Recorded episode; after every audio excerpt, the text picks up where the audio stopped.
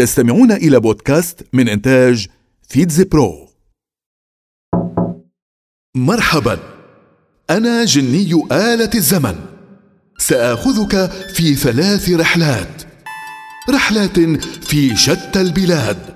حدثت فيها أحداث في مثل هذا اليوم بالذات.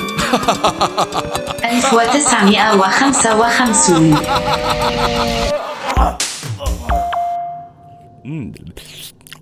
هلو لا أصدق أن أحدا منكم لا يعرفني أو لم يسبق أن تذوق أكلي فأنا من أشهر مطاعم الوجبات السريعة في العالم إن لم أكن أشهرها وأكبرها على الإطلاق مم.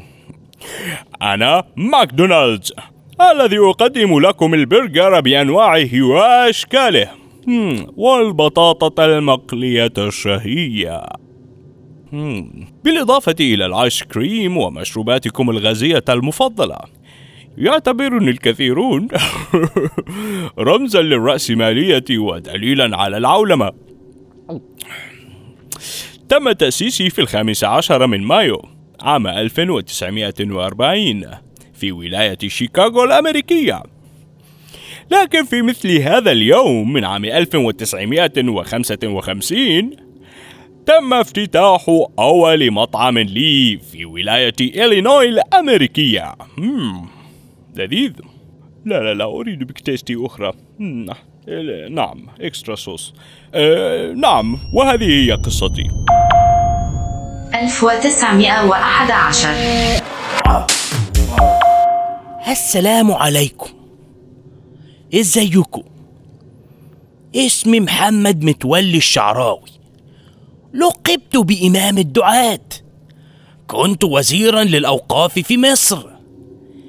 أنا عالم دين إسلامي وأعتبر من أشهر مفسري القرآن الكريم في العصر الحديث. كان هدفي هو تبسيط معاني القرآن الكريم وجعله مفهوما وواضحا ليصل إلى أكبر شريحة من المسلمين في العالم. كنت في الحادية عشرة من عمري عندما حفظتها إيه؟ عندما حفظت القرآن. درست في الأزهر الشريف وكنت مهتما جدا بالأدب والشعر. كما أني شاركت بالحركات القومية ضدها ضد الإنجليز. خلال وجودي في منصبي في وزارة الأوقاف أصدرت قرارا بإنشاء بنك الفيصل وهو أول بنك إسلامي في كل مصر. ولدت في قرية الدقدوس في مثل هذا اليوم من عام 1911 1517 السلام عليكم. أنا السلطان طومان باي. آخر سلطان مملوكي حكم مصر. في البداية رفضت قبول منصب السلطنة لأني شعرت أن الوضع في بلادي لم يكن مستقرا وكانت الفتنة تعصف بالأمراء المماليك لا سيما بعد مقتل عمي السلطان الغوري بمعركة مرج دابق الشهيرة بين العثمانيين والمماليك. إلا أن الأمراء ألحوا علي وأقسموا على المصحف الشريف بالوفاء والسمع والطاعة. نعم أجبرت على السلطنة.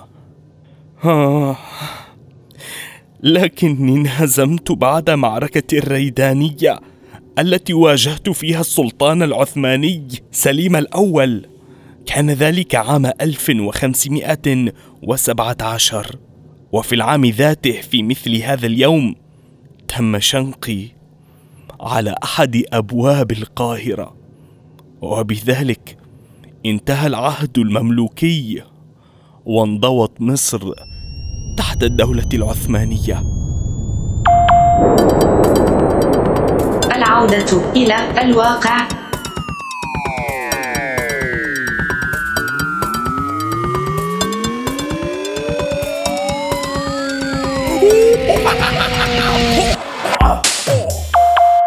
استمعتم إلى بودكاست من إنتاج فيتز برو